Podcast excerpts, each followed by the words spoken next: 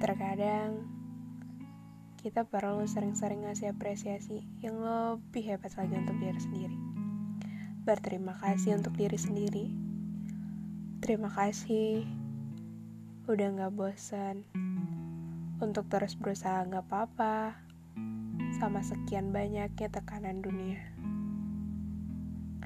Terima kasih juga untuk selalu bisa cari cara sendiri untuk bertahan hidup dan berusaha untuk tetap hidup.